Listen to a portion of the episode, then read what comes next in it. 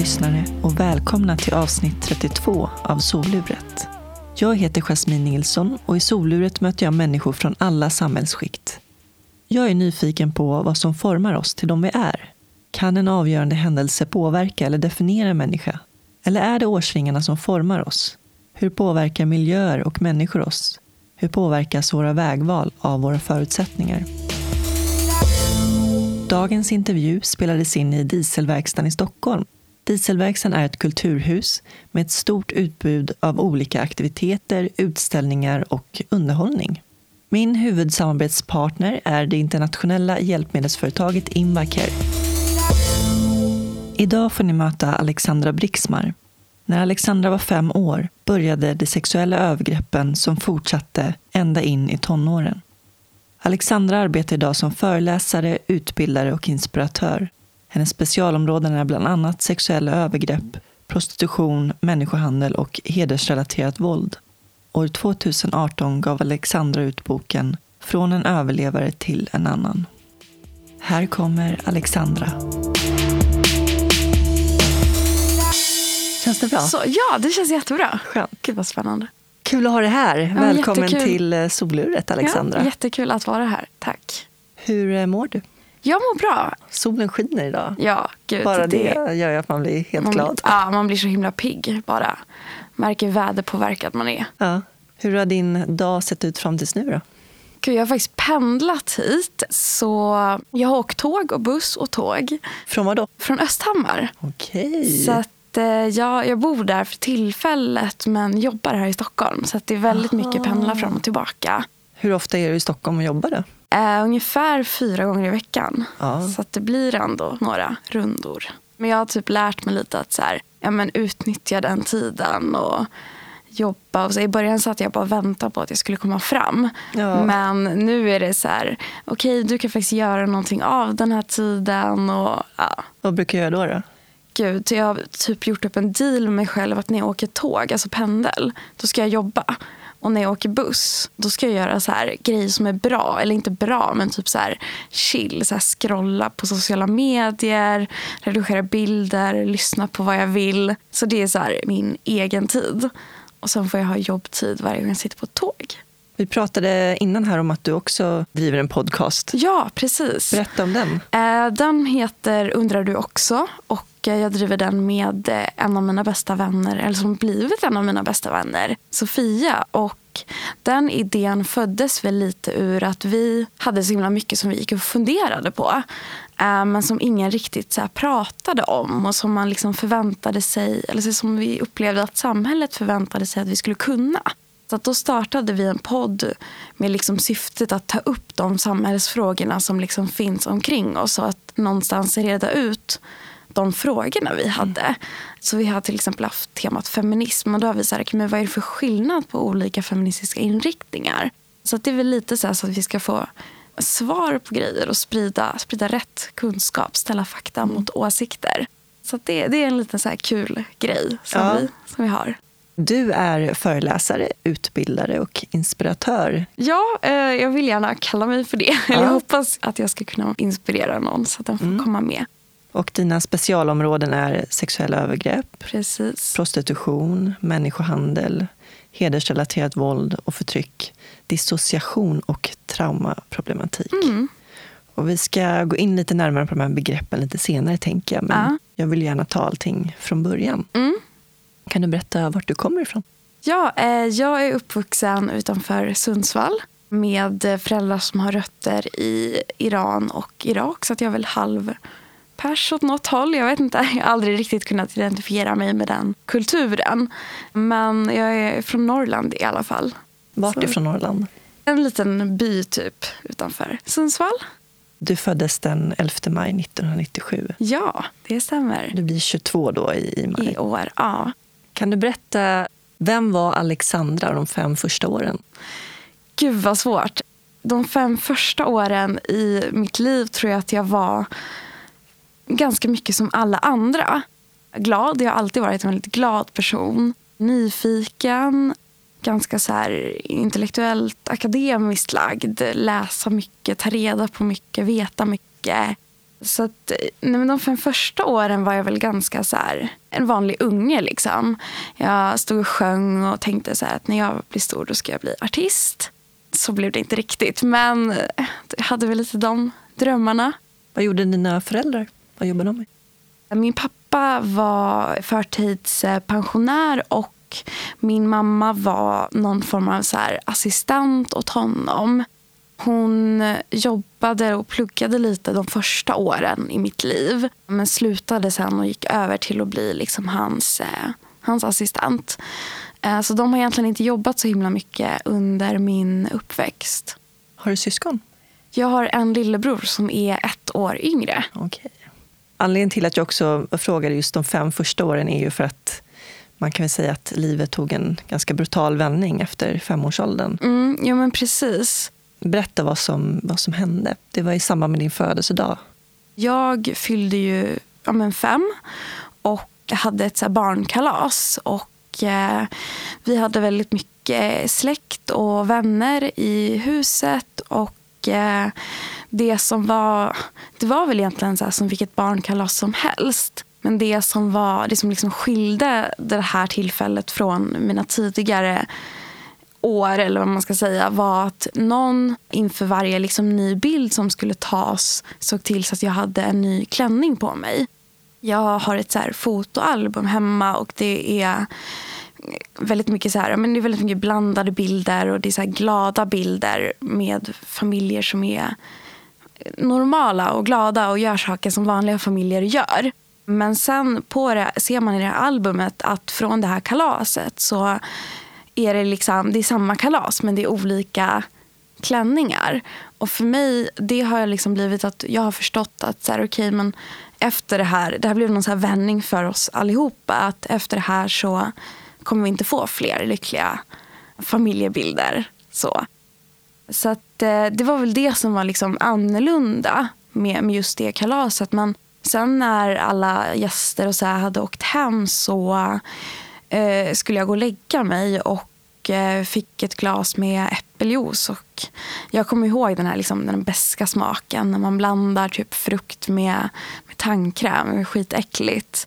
Nej, men jag kommer bara ihåg att jag skulle dricka upp det. och... Eh, Sen somnade jag och vaknade någon gång så här under natten av att eh, det var någon i mitt eh, sovrum. Och den här personen var liksom, ja, men, i min säng och tog på mig på ett sätt som kändes väldigt, väldigt konstigt. Och det var väldigt svårt att liksom avgöra om det var verklighet eller inte. Men det kändes någonstans när jag vaknade på morgonen som att så här, okay, det här är ändå någonting som har, det är någonting som har hänt och något som har gett ett avtryck på mig. Eh, det här glaset liksom med juice, alltså det, jag typ lärde mig att associera det med, med övergrepp. För att eh, till en början fick jag det varje kväll med liksom, eh, droger i. Eh, så att det blev den liksom, ja, men, associationen. Att så här, nu vet jag att det kommer hända någonting. Vem var det som utsatte dig för de här övergreppen? Eh, det var en eh, familjemedlem, nära manlig familjemedlem. Jag kan inte gå in exakt på vem, men en nära mm. familjemedlem. Mm. Och du brukar beskriva det som att det är incest i ett eh, hederskontext. Precis. Kan du beskriva vad du, vad du menar med det? Men det menar jag att jag, ofta så har väl samhället en tendens att separera hedersrelaterat våld från sexuella övergrepp. Och när man pratar hedersrelaterat våld så vill man ofta och gärna nämna att det finns en oskuldsnorm. Och att därför så kan inte såna här övergrepp ske. Men jag är uppvuxen och har levt efter en kultur som har en oskuldsnorm. Och där liksom sex är där renlighet och där liksom sex och mens alltså är förenligt med någonting skamligt innan man liksom gifter sig. Så att hederskontext är ju att jag har växt upp i en strikt muslimsk kontext. Som, ja, men, där vi har levt efter liksom muslimska värderingar på andra områden. Då. Och Det är det som blir lite en paradox i det hela med tanke på att man är ju emot att Precis. skada kroppen på det sättet som Ah. du har blivit skadad. Ja, och man är också emot eh, men, alkohol och droger och ja, men, sex överlag egentligen innan giftermål och sådär. Så att det har varit väldigt svårt för mig att eh, få ihop de två. Men det har också varit väldigt svårt för människor omkring mig att få ihop de två grejerna i ett. Att så här, man kan ha en släkt som, som liksom lever efter en liksom strikt eh, men, oskuldsnorm samtidigt som den inre kretsen och den närmaste familjen utsätter den för grova övergrepp. Och vad gjorde det med dig? Du var bara fem år när övergreppen började. Ja, alltså jag förstod väl egentligen inte alls vad det var eh, som hände, om jag ska vara ärlig. Utan det var väl mer... Jag började bli väldigt, väldigt tyst. Alltså jag gick från att vara väldigt liksom framåt till att helt eh, men sluta prata i perioder. Så att jag blev ju påverkad utan att jag egentligen visste om det. Och eh, jag fick väldigt svårt att eh, göra och förhålla mig till saker som var känslomässiga. Så att eh, ja, men när man läser grejer som, som är från den tiden och från när jag var fem och sex och sådär så ser man att men, jag ligger väldigt långt fram intellektuellt men väldigt långt bak eh, känslomässigt och i anknytning. Och, så att jag blev ju påverkad mer än vad jag kanske själv var medveten om. Mm. På vilket sätt menar du känslomässigt? Då? Att du... Eh, svårt att inte säga hur gammal jag var, vad som gjorde mig glad och arg och ledsen. Svårt att prata om familjemedlemmar och vad de heter och gör. Och svårt att liksom associera till begreppen eh, mamma, pappa, syskon, vän och sådär. Mm. Det är också en del av den här dissociationen. Då. Ja, jag fick ju senare diagnosen dissociativ identitetsstörning. Så det var ju någonstans där det för mig började skära sig. eh, Och började bli väldigt, väldigt svårt att förhålla mig till någon form av identitet. Det är väl en överlevnadsmekanism Ja, men precis. för att or- mäkta med. Ja, precis. Och det är ju någonting man får i tidig ålder, ofta när man utsätts för, för övergrepp. Distansera sig från, från det som händer. Ja men precis. Och någonstans bara, bara göra och bara finnas i det. Och det var ju också svårt att liksom distansera sig när jag inte visste vad det var som hände också. Så att i början så tror jag att väldigt mycket var automatiserat. Nu när man är liksom äldre och vuxen så kan man ju reflektera och analysera på ett helt annat sätt. Ja, men där tror jag bara att det var liksom ren ja, men överlevnad. Men det var som att du levde ett dubbelliv. Ja, alltså det blev ju världar. så. Ja. Alltså jag har alltid varit, som jag sa tidigare, väldigt glad och väldigt framåt och ambitiös och sådär. Eh, och jag fortsatte ju vara det, även fast det här hände. Så att jag fortsatte att liksom leva upp till ska man säga, men normer och attityder. Om jag var så som man skulle vara. Men samtidigt så, så hade jag det här mörka och det som jag visste att så här, men det här får jag inte prata om. och Det här händer inne bland våra väggar. Liksom. Så det blev ju det blev som två, som två liv när jag började förstå att det var någonting fel. Vilka var det som var medvetna om att det här pågick?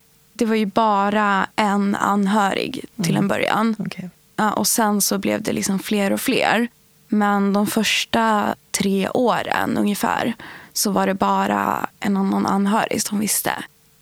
Och så undrar man ju lite över omgivningen och dagis. Och liksom, någon måste ju ha märkt att eh, du var ju ändå introvert och du pratade inte och du hade svårt för att berätta om din familj och sådär. Mm. Någon måste ju ha liksom Ja, reagerat kan alltså, man ju tycka. Det har väl någonstans varit det som har varit det största egentligen sveket. Det är alla människor som jag träffade under de åren i mitt liv som liksom efteråt trädde fram och sa vi har sett det här och jag har sett misstänkt och jag har förstått. Men som under alla de åren inte gjorde någonting och valde att, att vara tyst och backa. Så att det har ju varit ett enormt svek att att liksom jobba med för min del. Att veta att ni visste men mm. ni gjorde ingenting. Ja, det är ju fullkomligt ofattbart att man kan utsätta ett barn för det du har blivit utsatt för. Det, är liksom, det, det går knappt, det går inte att få grepp om det. Men vad fick det att eskalera? Från att det var mm. en person inom familjen som utnyttjade dig till att det plötsligt äh, blev fler? Det tog tre år innan det började bli fler. Och eh, det började med att eh, den här andra familjemedlemmen som visste då också började utsätta mig. Inte för liksom penetrerande övergrepp men för olika former av liksom våld och misshandel. Och började spela in övergrepp och sådär. Så det började egentligen med att eh, den familjemedlem som visste också blev en del i att, att utsätta mig. Och sen så var det egentligen bara från en dag till en annan. Och från början så, så träffade jag folk jag fick jag träffa folk med, ganska så stort spann emellan, alltså mellanrum tidsmässigt. Medan det liksom senare blev oftare och oftare och oftare. Så att det började väl, jag vet inte om det var tänkt att vara någon engångsgrej, men gick väl ja, tre år i alla fall. Och hur såg sexhandeln ut? Eh, den såg väldigt olika ut. När jag var mindre så var det väldigt så här, ska man säga, väldigt strukturerat. Och det var inte lika mycket folk inblandade. Utan det var bara den innersta liksom, kretsen som utsatte mig från början. Som liksom körde mig någonstans. Eller så var det folk som kom hem till oss. Men med tiden blev det liksom fler och fler inblandade och det blev liksom bokade möten och sådär. Men från början var det egentligen bara att så här, nu ska du åka dit. Eller nu kommer den här personen hem till oss. Och du ska egentligen bara göra samma sak som, som vi har gjort förut. Fast med den här. Ja, men så från början var det väl, gud, jag, vill inte ens, jag vill inte säga så här oskyldigt. Men det var inte lika planerat och lika... Liksom, organiserat? Inte lika organiserat, utan det var bara så här, det hände då och då. Liksom. Utöver det här som du blev utsatt för, hur såg livet ut? Kunde du ha kul med kompisar och liksom umgås med dem? Eller hur? Ja, alltså jag började ju leva liksom mina två liv typ. Och jag kunde fortfarande, alltså jag var inte medveten om att jag var utsatt för övergrepp. Utan det var liksom bara så här, någonting konstigt som hände egentligen. Och som jag liksom inte reflekterade jättemycket kring. Utan det var bara så det var. Mm. Eh, så jag kunde ju fortfarande leva och gå i skolan. Och ja, men, uppleva saker även fast det här hände. så. Eh, för att det var så himla långt ifrån varandra. Det kom inte riktigt på tal i den här vanliga världen som jag mm. fanns i. Eh, så det, var ju, det var så himla liksom långt, långt bort ifrån mm. varandra. Jag växte upp med att lära mig att det var liksom Gud som, som ville det här och som liksom sa att det här skulle hända. Och då kände jag att okay, det här är ju den guden som vi liksom ber till flera gånger om dagen. Och som vi liksom lever efter. Och om den säger att det är det här som ni ska göra, då ska ni göra det. Liksom.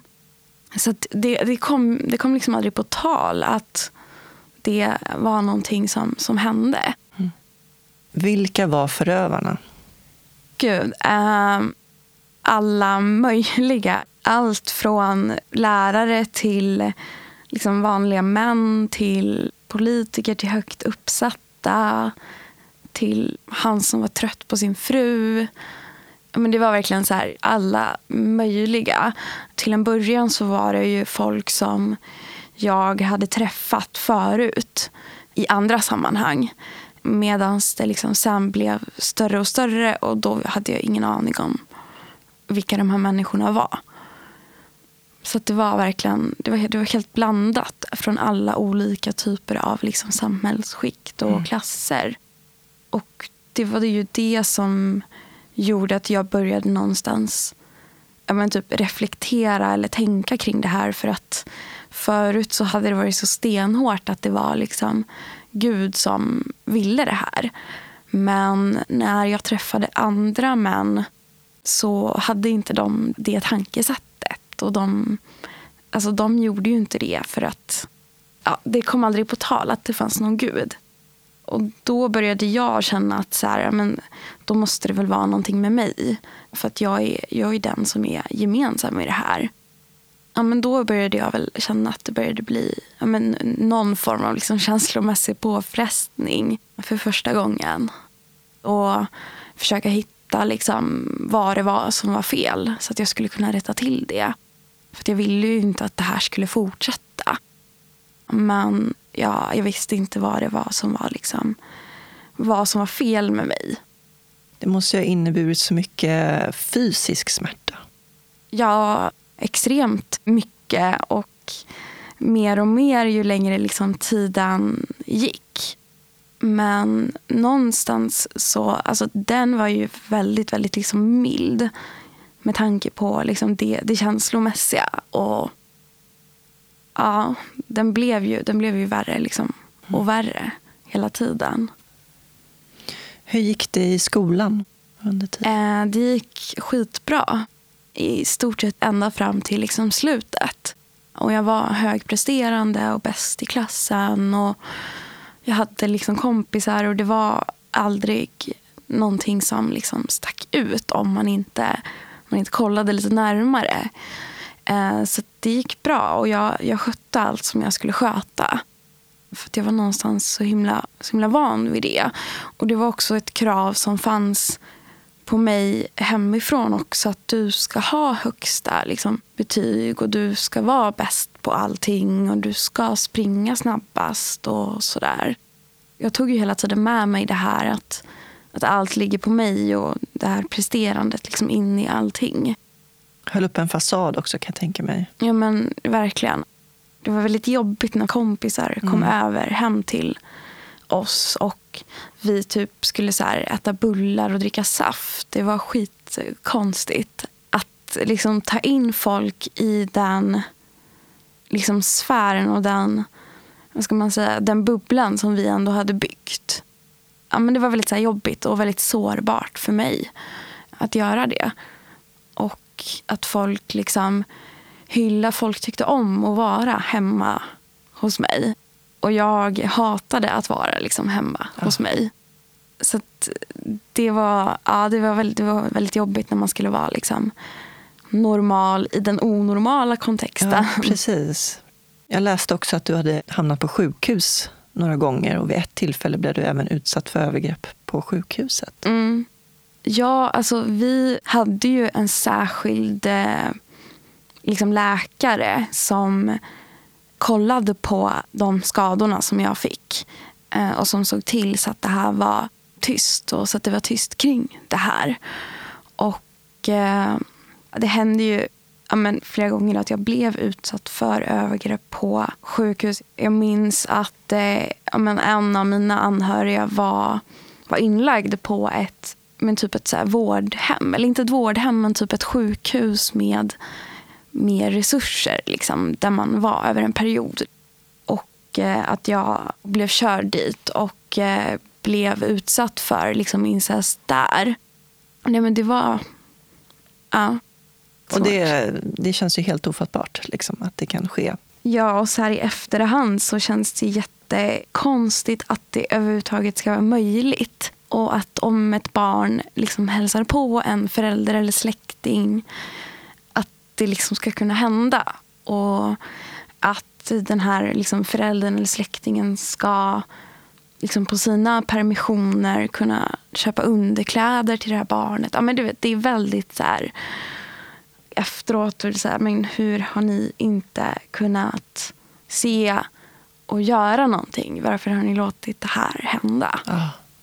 Och då undrar man hur många fler som blir utsatta i Sverige. Ja, jo men precis. Och, så det är ju det när man väl liksom börjar se och när, när jag väl började jobba med de här liksom frågorna så märkte jag hur pass liksom utbrett det här är och hur pass vanligt det är.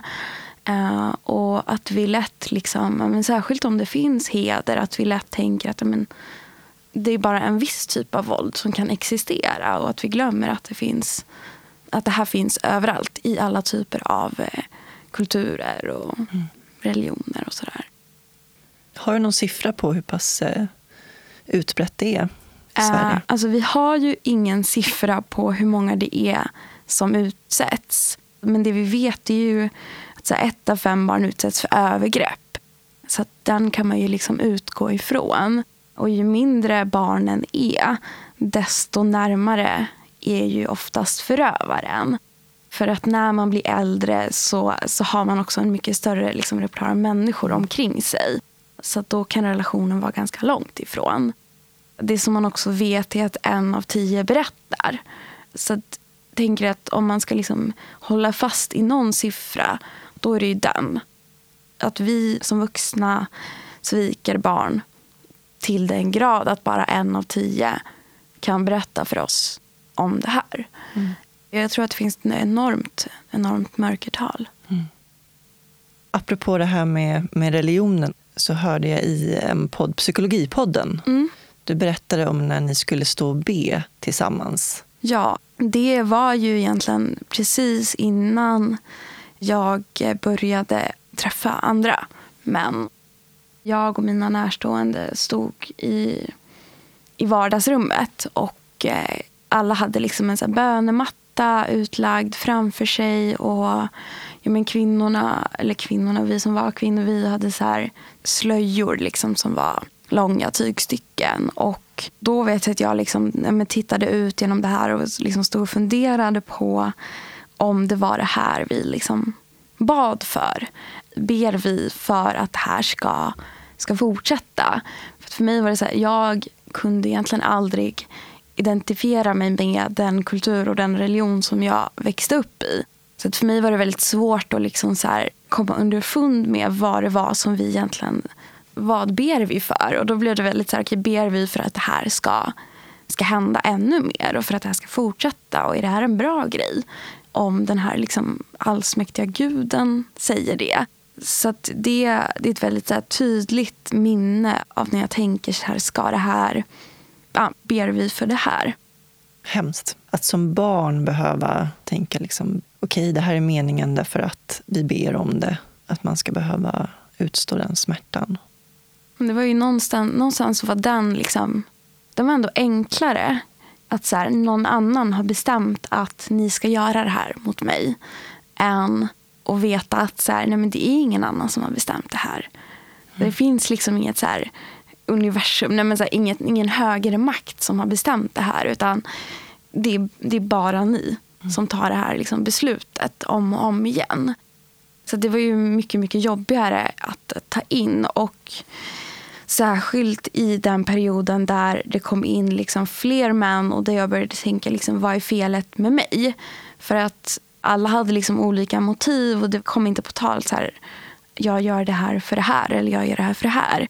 Och det, men det liksom blev en osäkerhet i mig kring dels vem jag var ännu mer men dels också vad det var som var problemet med mig. Och jag blev väldigt, väldigt osäker och tänkte väldigt mycket på vad det var som var fel. Och jag vet att så här, medan andra typ lekte och hade kul, då kunde jag stå i så här speglar och bara så här, men vad är det som är fel? Och bara försökte komma på det.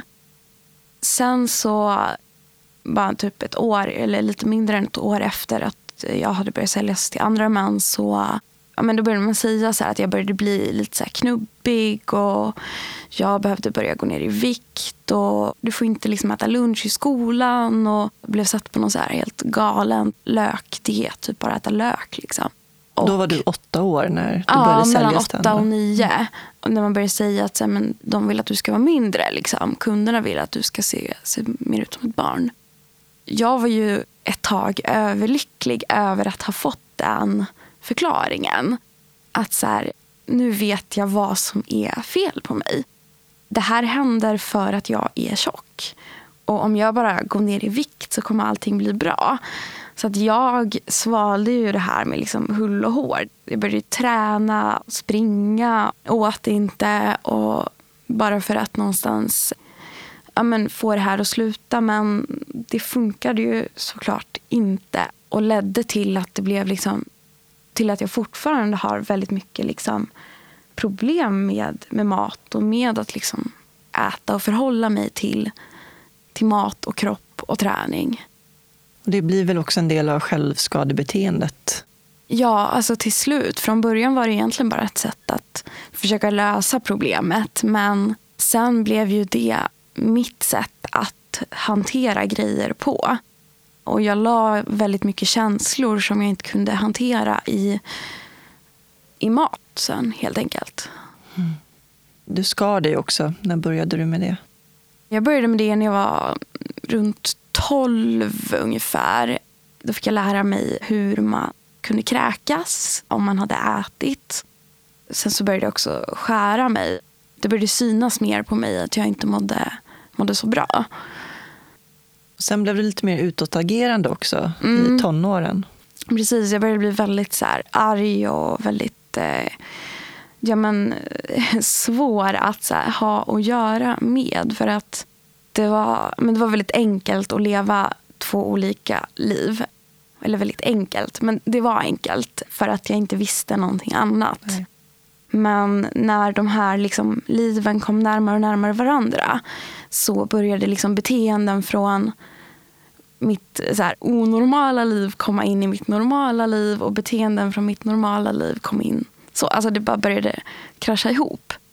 Och det gjorde att det blev väldigt svårt känslomässigt. Jag började få typ ångest och eh, jag började känna så att jag, nej men gud, jag kan inte andas och jag visste inte vad det var. Och började få liksom panikångest utan att, utan att veta egentligen vad det var. Det gjorde att det blev väldigt svårt att liksom upprätthålla det här som jag hade haft förut. Det här perfekta och där allting är bra och lyckligt och, och fint hela tiden. Nej, men jag blev jäkligt så här, nej, men, arg. Liksom på folk. Mm. Vilket inte är så konstigt. Nej, nej men precis. Ehm, men ehm, de drogade ju dig till en början. Mm. Hur länge höll de på med, med det? Under hela tiden. Okay. Till slut så var det egentligen någonting som jag kände att så här, det var väl mer någonting jag kände att jag behövde än någonting som någon liksom tvingade mig till. Från början var det ju väldigt mycket liksom tvång kring det men Sen så blev det mer så här, okay, men jag behöver det här för att kunna tänka på någonting annat under tiden. Eller om jag skulle ha eh, och träffa män en hel natt. Att så här, okay, jag behöver något för att vara vaken hela natten. Eller jag behöver någonting för att liksom kunna vara någon annanstans. Mm. Jag hörde också beskriva att ehm, det känns ju lite fel att använda det ordet, men att det fanns de som var snällare förövare och de som var liksom elakare. Mm. Och att det var nästan lättare att förhålla sig till de som var elaka för då kunde du stänga av på ett annat sätt. Ja, precis. Alltså, det har ju alltid varit så mycket enklare när, när jag har träffat folk som bara är men som använder våld eller som men skadar en fysiskt och liksom sexuellt. För det är ju, då kan man stänga av och man behöver liksom inte vara där känslomässigt. Utan för mig blev det ju, jag snappade ju upp det här med mat och jag räknade liksom väldigt mycket under tiden som jag var utsatt för övergrepp. Att så här, okej, okay, äpplen har så här många kalorier minus det plus det. Eh, för att liksom distrahera mig medan liksom övergreppen eh, pågick. pågick. Ja, det var någonstans enklare än när man träffade folk som var mer så här snälla eller som ville ha typ vanligt sex. Eller vissa kanske ville prata eller hålla om en. Ja, men sådana grejer. För att det krävde en helt annan känslomässig närvaro som är men, otroligt mer liksom, påfrestande än att bara vara långt bort och räkna kalorier i äpplen och bananer. Liksom. Mm. Det är svårt att ta in allt det här, liksom, mm. att, att det här kan hända en människa. Alltså, du blev utsatt för tortyr. Mm. Och det blev sadistiska inslag också i, i det sexuella. Jag förstår inte hur man överlever det. Nej. Alltså både fysiskt och eh, psykiskt. Mm. Ja, alltså fysiskt får vi ju tacka våran, liksom, våran vård. Och sen finns det vissa grejer som jag kommer behöva leva med. Som är fysiska men som kanske inte, är, som kanske inte syns eller som kanske liksom inte påverkar mitt liv jättemycket men som jag ändå behöver leva med. Och såklart psykiskt. Det är liksom första gången som jag gick ut och berättade om det här och det var väl i psykologipodden. Då fick jag lite så här inte kritik, men jag fick lite så här, men det låter så enkelt. Det låter som att, det är, som att allting bara blev bra nu och hur kan det bli bra? Men det är någonstans så här, det, är fortfarande, det finns ju fortfarande med en. Så, och bara för att man kan prata om det på ett ganska så distanserat sätt så, nej men så behöver man ändå leva med liksom konsekvenserna av det. Så att det, jag brukar alltid typ säga det, att det är liksom, människohandel är för alltid på olika sätt. så. Alltså även om jag lever ett fantastiskt liv idag så finns det ändå där. Alltså man behöver ändå leva i konsekvenserna av det. Självklart. Jag förstår inte ens att man kan kritisera och ens ifrågasätta dig. Hur det ens är möjligt Nej. att man kan tänka så. För det gäller ju oavsett vilka trauman man har varit med om i ja, livet ja. så är det ju någonting man måste leva med ja. resten av livet. Det är ju så. Och det betyder ju inte att man inte kan sitta och prata om det och berätta om det. Men nej, det är nej, men precis. Det är väl som alla som föreläser om sina livshistorier och varit med om ett trauma. Att man kan ändå prata om det därför att man har fått självdistans till det. Precis. Eftersom att man har överlevt. Ja, jo, men det är ju det någonstans det handlar om. Och att, att man liksom inte längre bär ryggsäcken utan att man har den bredvid sig. Så det är väl det som gör att man, man någonstans ja, tar, sig, tar sig igenom det. Det visar ändå på din styrka. Tack. Att du orkar berätta om det. Och hur viktigt det är. Det är jätteviktigt att, säga att vi pratar om, om det här liksom, i alla mm. Nu sitter jag här med min eh, kära samarbetspartner Invacare och eh, framför mig här har jag Jocke. Hej, hej! Jocke här. Hur är läget med dig? Jo, det är bara fint. Berätta vad du gör här på Invacare. Jo, men jag är ju produktchef för manuella rullstolar och eh, sportprodukter.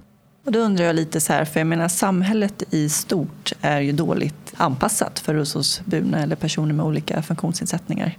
Hur ser det ut inom sportvärlden? Ja, alltså att vara en tjej eller kille som vill prova på en idrott, det är mera kämpigt och har mera utmaningar än för den icke funktionsnedsatta tjejen eller killen att prova på att eh, spela fotboll, basket, rida häst är för den stora gruppen väldigt enkelt. Vi kan köpa skridskor på vilken affär som helst, fotbollsskor på vilken affär som helst. Har man en funktionsnedsättning så är det en mycket högre tröskel att kunna få prova som barn men även som vuxen för att man, det krävs lite utrustning. Och det är en, ett område som är eftersatt bland klubbar, eh, idrottsföreningar att tillhandahålla utrustningar eller hjälpa till på något sätt för att eh, det är en kostnad som är betydligt högre än att bara köpa ett par skridskor. Och eh, hur kan ni som hjälpmedelsföretag eh, stödja Ja, så vi har samarbete med eh, Paracykelförbundet, eller den del av Cykelförbundet. I samarbete då med att, att de ska kunna ha utrustningar för att man ska kunna prova på i det fallet cykla. Beroende på vad man har för handikapp. Om man vill cykla bara för att cykla ut i det fina vädret eller tävla och allt däremellan. Vi har samarbete med eh, andra klubbar. Det gäller handboll, innebandy, tennis. Och det de efterfrågar är då basutrustning för att kunna testa. En rättighet som man kan tycka inte är för mycket att kräva, men som är ganska stort steg idag för väldigt många runt om i landet. Tack så jättemycket Jocke, ett viktigt ämne som du tar upp. Ett mycket viktigt ämne kan jag tycka. Och ha en bra dag. Ja men detsamma, samma. Hej då. Hej hej. Vid 14 års ålder då blev du omhändertagen. Mm. Det var en kompis föräldrar som reagerade och såg signaler. Ja, precis.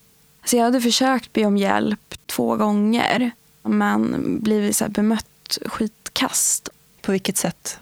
Nej, men jag vet att jag, eh, perioden som jag var väldigt, väldigt arg så satte man in liksom en så kurator till exempel. Det var en manlig kurator som eh, skulle vara med mig i klassrummet typ för att kolla hur jag betedde mig i grupp. Och där så kände väl jag att men jag hade väldigt svårt för både män och auktoritära typer. Så att jag satt ju tyst under den liksom, lektionen och sen bestämde han liksom att så här, okay, men det är inget fel på dig, det här är bara liksom, hormoner. Så att han hade ju liksom sin, sin chans någonstans där att prata lite mer med mig än att bara säga att det här är helt normalt. typ. Efter en timme? Efter en timme av att titta på mig i ett klassrum. Liksom. Han pratade inte ens själv med mig.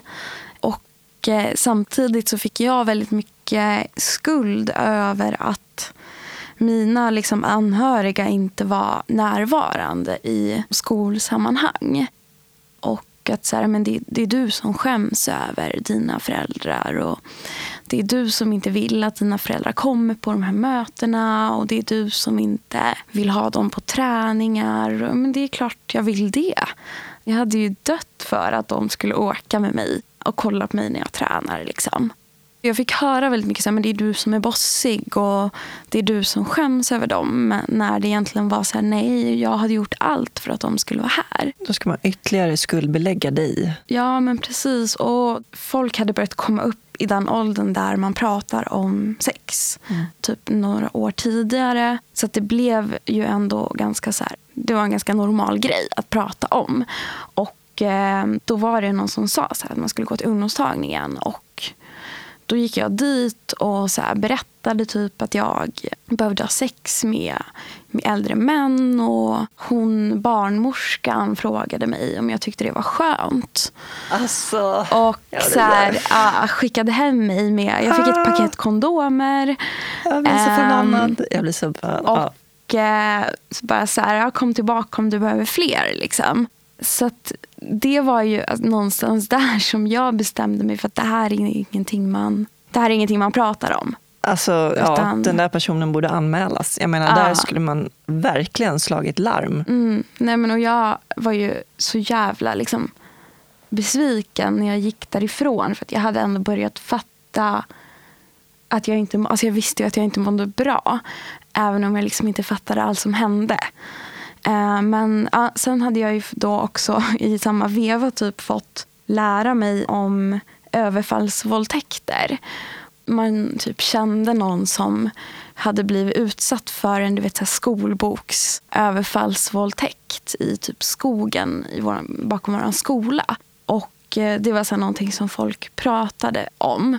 Och eh, sen så blev jag utsatt för ett övergrepp utomhus som var verkligen så här ett textbok på en våldtäkt.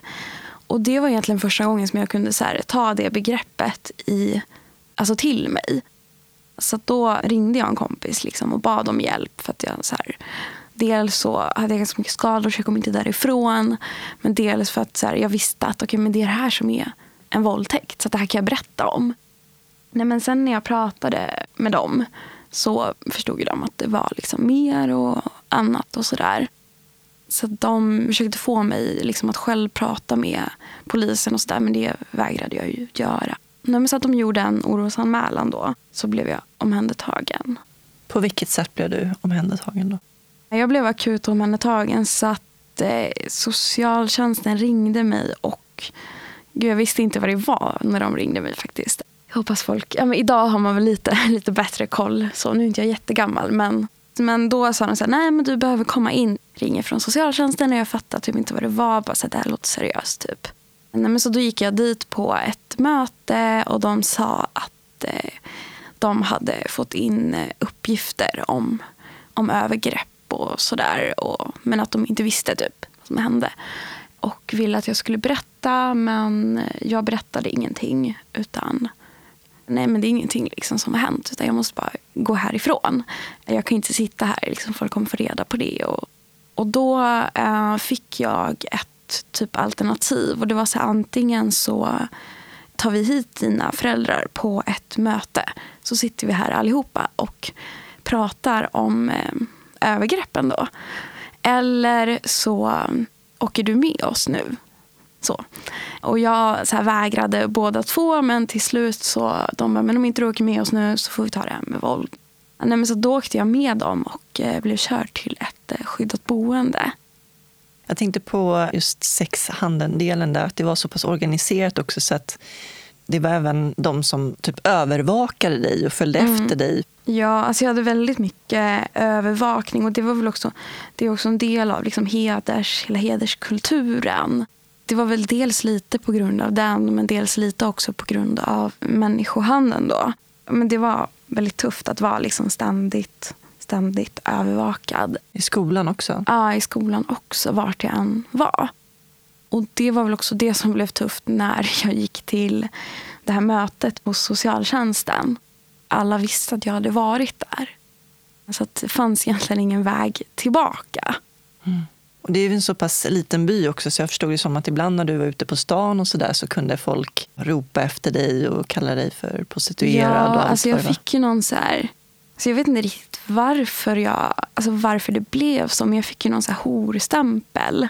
Och blev liksom horan i stan, typ.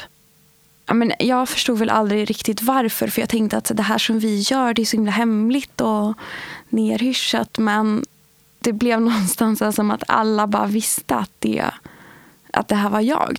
Och det var skitjobbigt att gå med, liksom, med kompisar samtidigt som folk ropade hora och samtidigt som det stod liksom män och tittade på oss. Och, och mina kompisar kunde ju säga så här, men gud varför säger de så där? Eller känner du dem? Och så. Så att, ja, det känns som det bara blev någon så allmän sanning. Typ att jag var ja, men stans hora. Men samtidigt så var jag 14. Kände du till eh, andra som blev utsatta? Nej, jag, eller jag har sett andra som har blivit utsatta. Men det var inte något så som jag liksom kände till. Jag vet att jag läste typ en bok som jag kände igen mig väldigt mycket i. Och som, som gav mig lite så här, lite distans. Eller lite så här, det här har hänt någon annan också. Vad var det för bok? Det var Caroline Engvalls eh, 14 år till salu. Och det kändes som att den beskrev mitt liv egentligen. Och det som jag var utsatt för. Och hur kändes det? Skönt på ett sätt men, men jävligt tufft på ett annat sätt. Caroline beskrev ju då hur, hur dåligt den här tjejen mådde och sådär. Och det hade jag så svårt att ta in. Liksom. Så jag säger, men jag mår ju bra. Jag behöver inte flytta till någon annan stad och jag behöver liksom inte... Det här handlar inte om det. Men jag kunde inte riktigt identifiera mig med liksom känslorna men med själva innehållet, övergreppen. Det var ännu ett sätt för dig att distansera dig från smärtan. Ja, men lite Den själsliga så. smärtan. Ja, egentligen.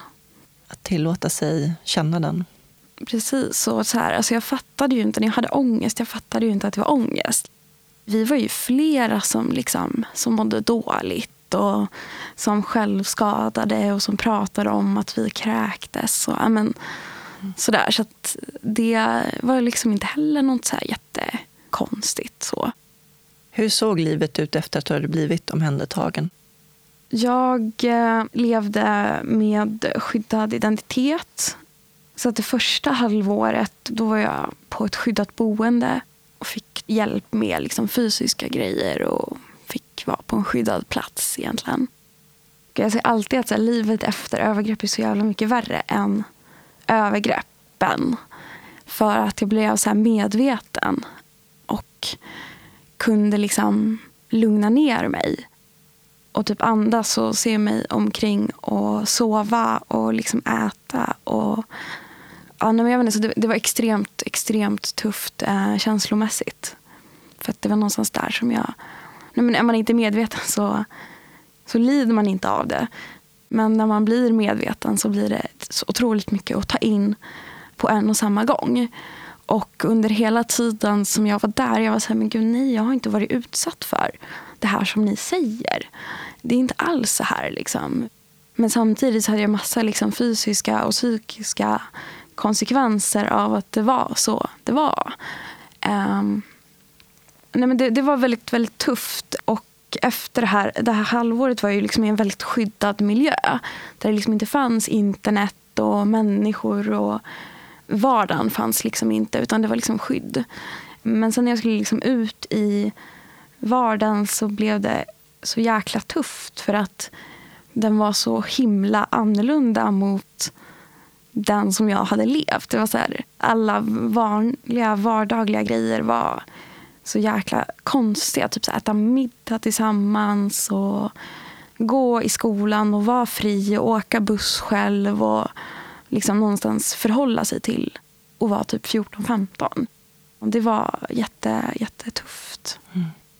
Jag kunde, alltså jag kunde liksom inte hantera eh, den den verkligheten, alltså den vardagen. För mig var ju övergrepp och liksom svält och sådär. Det var ju tryggt för mig. Det var ju det som jag var van vid. Jag visste precis. Mm. Så att efter det här halvåret så när jag liksom slussades ut i, i vardagen igen så gick ju jag självmant tillbaka till, till prostitution och började sälja sex själv. Just för att det var den gången som jag kände mig liksom trygg. Och Det tror jag väldigt många har svårt att förstå, hur man kan falla tillbaka till det igen. Mm. Jag tänker lite på också det här med anorexi och självskadebeteende och så, att det är ett sätt att kontrollera Precis. livet. Ja, jo, men det är ju det. Och dels är okay, det är någonting som jag är trygg med och någonting som jag känner till. Och ja, men De här männen som jag träffar, jag kan läsa av dem på ett väldigt bra sätt. Och jag vet vad de vill ha av mig. Men jag vet inte vad liksom vardagen, jag vet inte vad den kräver av mig. Jag kan inte ge det den kräver. Så det är dels en trygghet men det är också dels en kontroll. För att för mig blev det väldigt snabbt så här att okay, men om jag byter ut folk. Alltså om jag börjar byta ut en gammal förövare mot en ny och har kontroll så kommer det här inte bli en... Då kommer övergreppet försvinna. Så att jag försökte liksom byta ut alla män till liksom nya kontrollerade övergrepp egentligen. Även om det inte funkade jättebra så, så var det det jag intalade mig. Att det här går jag tillbaka till när jag är ledsen, när jag är rädd, när jag behöver någonting. Mm. Du gick gymnasiet. Mm. Vad gick det för gymnasium? Jag gick eh, sambeteende, vanligt. Och hur gick det? Det gick eh, första året gick det eller alltså så här, resultat och betygsmässigt gick det väldigt bra. Men känslomässigt var det mycket, mycket svårare. Och jag gick första året i, så här, i vanlig skola men sen gick jag resten på distans. För att jag, nej men jag mådde för dåligt. Jag bodde på olika behandlingshem fram tills jag var nästan eh, 19. Mm. Hur var de hemmen? Väldigt olika. Vissa var bra och vissa var väldigt, väldigt dåliga. Eller med intentionen att vara bra, men blev väldigt dåliga. Så det var väl liksom en stress också att hela tiden flytta. För att jag flyttade liksom väldigt mycket för att jag hela tiden Mellan föll... olika städer eller var det? Ja, alltså mm. mellan olika städer och boenden. För att jag liksom inte kunde... Nej, men jag kunde inte hålla mig vid liv. Utan jag gick tillbaka till det här destruktiva hela tiden. Och jag fick liksom aldrig någon så psykologisk hjälp. Ja, så jag bara flyttade runt. Och, ja. Mm. och när tog du dig ur det här destruktiva livet? Det var när jag var runt typ 18 och min liksom, anorexi hade gått så långt att, att jag liksom inte längre äh, kunde leva. typ. Äh, så. Så att, när jag, nej men så att jag blev liksom inlagd på, på hjärtintensiven och fick någon så här, något uppvaknande av det. Du fick hjärtstillestånd? Ja. Mm. Nej men folk sa till mig att jag liksom höll på att ta livet av mig. Och jag fattade väl och tänkte att så här, men det, är inte, det är inte det här jag har velat. Utan jag har gjort det här för att jag vill leva. För att min värld hade det liksom inte varit för att jag tyckte att jag var äcklig eller jag tyckte att jag var liksom kass. Utan så här, jag gör det här för att jag, jag vill leva. Och då när jag låg där och var så här, alla bara, men du kan inte göra någonting nu. Liksom, det är förstört. Eller det, är liksom, det har gått för långt. Men vi vet inte om du kommer överleva. Då kom den här paniken. att men gud, jag vill inte, jag vill inte dö. Nej. Och då var jag så gud, jag, nej, men jag gör vad som helst. Ge mig liksom mat och ge mig allt. liksom. så det blev något, så här, något så uppvaknande för mig att jag hade gjort på fel sätt och att jag började göra annorlunda. För att den liksom, för jag var så jävla desperat den här sista liksom, stunden. Det var inte så ljuset i tunneln utan det var så här, vad fan har jag gjort? Mm. Hur länge låg du på sjukhuset då? Jag var inlagd i eh, drygt ett år. Oj. Eh, inom slutenvård. Och det var väl under det året som jag liksom började bli bra på riktigt och började utforska mig och, och livet. Och mm. ja, men fick liksom vård också framför allt. Och trygghet, riktig trygghet. Vuxna som liksom såg mig och mina behov och vad jag behövde och sådär. Du är ett år på slutenvård mm. och så kommer du ut. Hur, hur såg livet ut då? Vad liksom, hur gick tankarna? Vad tänkte du om framtiden? Till en början så var det väldigt svårt att tänka att jag skulle leva längre än två veckor. Det var väldigt svårt att se liksom en framtid. Det var liksom svårt att se långt fram. Men jag visste ändå liksom vem, vem jag var. Jag stod ändå ganska starkt efter det. Och var så här, ja men typ det här vill jag göra. Och något år tidigare hade jag börjat engagera mig ideellt på olika ställen. Och även om jag inte var riktigt färdig så visste jag när jag liksom blev utskriven att det är det här jag vill. Det är det här jag vill göra. Och så startade du då organisationen Vi vågar. Precis. 2017. Ja. Den var, kom väl till av typ två anledningar. Att jag hade varit runt hos liksom olika aktörer och organisationer och jag hade märkt att så här, man separerar sexuella övergrepp från psykisk ohälsa väldigt, väldigt ofta. Att så här, antingen här kan du få stöd om du har varit utsatt för sexuella övergrepp. Men inte om du har för mycket psykisk ohälsa. Av det är det. jättekonstigt för man tänker ju att det precis. verkligen hänger ihop. Så här får du antingen bara prata om övergreppen. Inte om liksom ätstörningar eller ångest eller någonting utan övergrepp. Eller tvärtom att här får du bara prata om din ätstörning, inte dina övergrepp.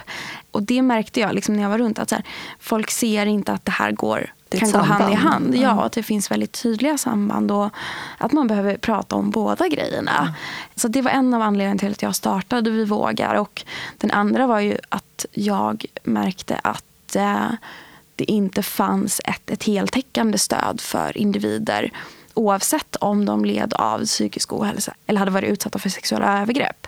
Så då startade jag den med liksom visionen om att alla klienter som vi får in ska få ett heltäckande stöd oavsett om det innebär att bara ha kontakt med en stödperson hos oss eller om det innebär att ha kontakt med oss, advokater, psykologer etc.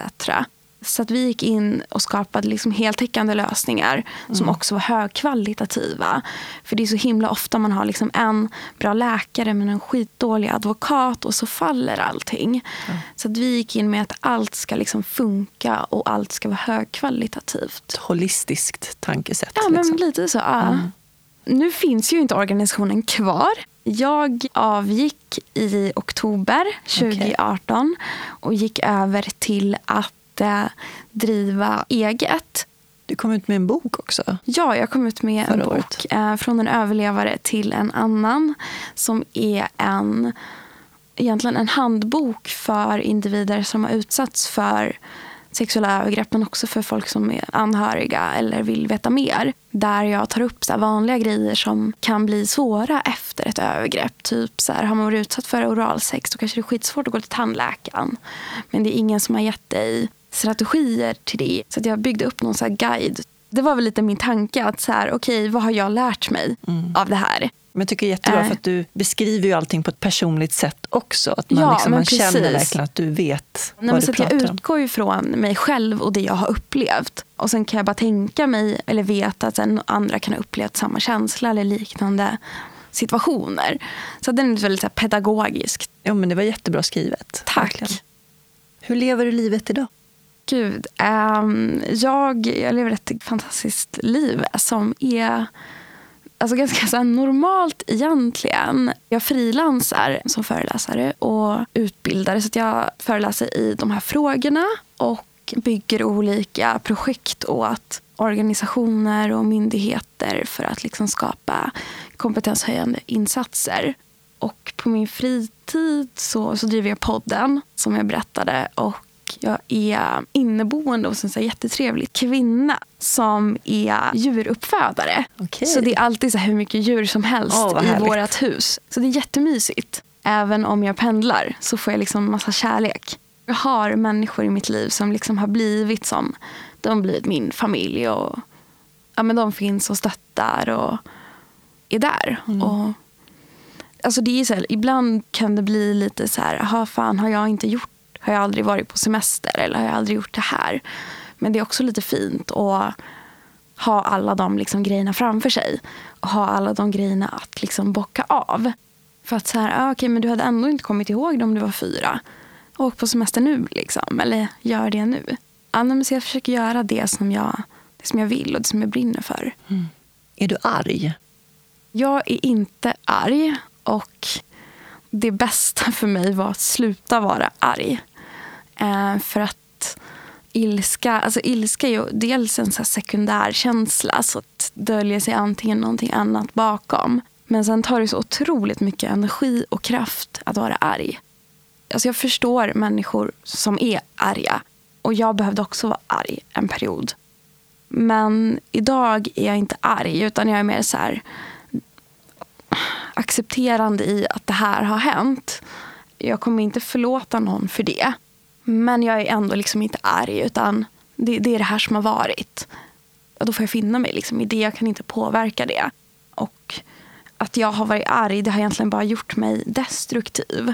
Så att jag mår mycket bättre av att liksom av att i så fall känna den sorgen eller det sveket eller vad det kan vara. Vad innebär det för dig att vara människa? Gud, att vara människa för mig innebär både liksom så här, the good and the bad. Alltså, tänker så här, det som skiljer människan från en robot det är egentligen våra känslor och det vi känner, upplever och tolkar. Så att, att, att vara människa det är att få känna allting i livet precis så som det är tror jag. Vad betyder frihet för dig? Frihet för mig är att jag och alla andra kan leva ett liv i jämställdhet i första hand. Men sen också så pass fritt och inkluderande som vi kan. Jag tror inte att jag skulle känna mig fri utan att ha en omgivning som också är fri. När grät du senast? Oj, gud, jag gråter inte så jätteofta. Men jag var på bio och såg eh, den här filmen med Lady Gaga. Vad heter den? Eh, A Star is born. Ja, alltså satan vad jag grät. Det var ingen som sa att den skulle vara sorglig. Men alltså, jag, jag bröt ju totalt samman. Så det var senaste gången jag grät och det var väl typ två och en halv vecka sedan. Lipade så mycket. När hon skulle stå där och sjunga den här sången som Ja, han hade skrivit till henne innan han tog livet av Ja, sig. och han bara så här föll tillbaka och föll tillbaka. Nej, gud. Fruktansvärt. Vad gör dig arg? Orättvisor. Och människor som inte tar reda på sanningen. Folk som ljuger. Eller så här, inte ser hela bilden.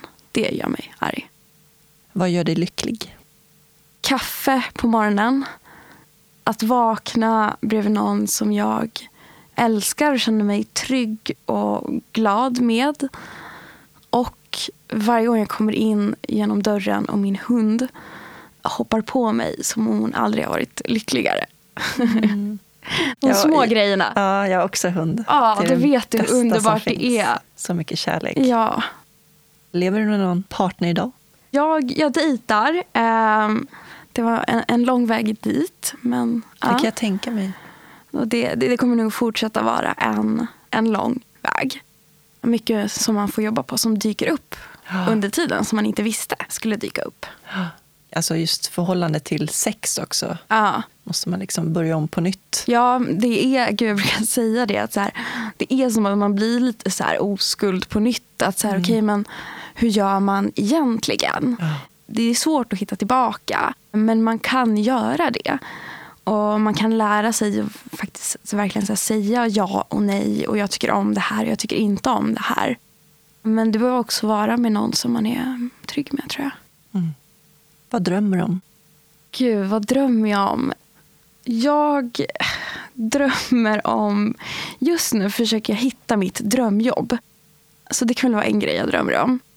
Men sen drömmer jag också om att få liksom uppleva vad som kommer hända. Det var så jävla coolt med typ så här metoo-rörelsen som kom. Och jag, jag menar, drömmer om att få uppleva allt det fantastiska som kommer komma. Du nämnde att du vill ha ditt drömjobb, men Mm. vet du vad det är? Ditt drömjobb? Nej, det är det. Alltså jag tror ju hela tiden att jag har hittat mitt drömjobb. Och sen så gör jag det ett tag. Det jag gör liksom. Och så inser jag, gud, det är inte det här jag vill. Och nu vill jag försöka komma in på diplomatprogrammet. Jag är inte riktigt där än kompetensmässigt. Men Vad innebär det då? jag vill jobba med lite så säkerhetspolitik och jobba i FN och sådär. Det låter Eh, spännande. Ja, för tre veckor sedan ville jag bli kriminolog. Ja. Så att, jag vet inte. Men varje gång Nej. jag tar ett nytt jobb så är jag övertygad om att det är mitt drömjobb. Du är ju så ung fortfarande, Ja, så du har tid precis, på jag har tid på mig. Ja. Jag har några snabba antingen eller-frågor här också. ja. Kaffe eller te? Kaffe. Bok eller film? Ehm, bok. Kött eller grönsaker? Grönsaker. Planering eller spontanitet? Gud, planering. Se eller höra? Ehm, se. Ljus eller mörker? Ljus. Fort eller långsamt? Fort. Lyssna eller prata? Prata. Tack så jättemycket Alexandra för att du kom och delade med dig av din livshistoria. Tack för att jag fick komma hit. Jättetrevligt. Jag skulle bara vilja säga att det, det går att må bra igen. Det skulle vilja, ja, men vilja förmedla till alla som har varit utsatt för någon typ av liksom övergrepp. Att det går att må bra igen och det är liksom inte en, en omöjlig väg dit även om det känns som det. Tack. Straffet för att köpa sex av någon under 18 år är böter eller fängelse i högst två år. Endast en av tio åtalade har dömts till fängelsestraff de senaste tio åren.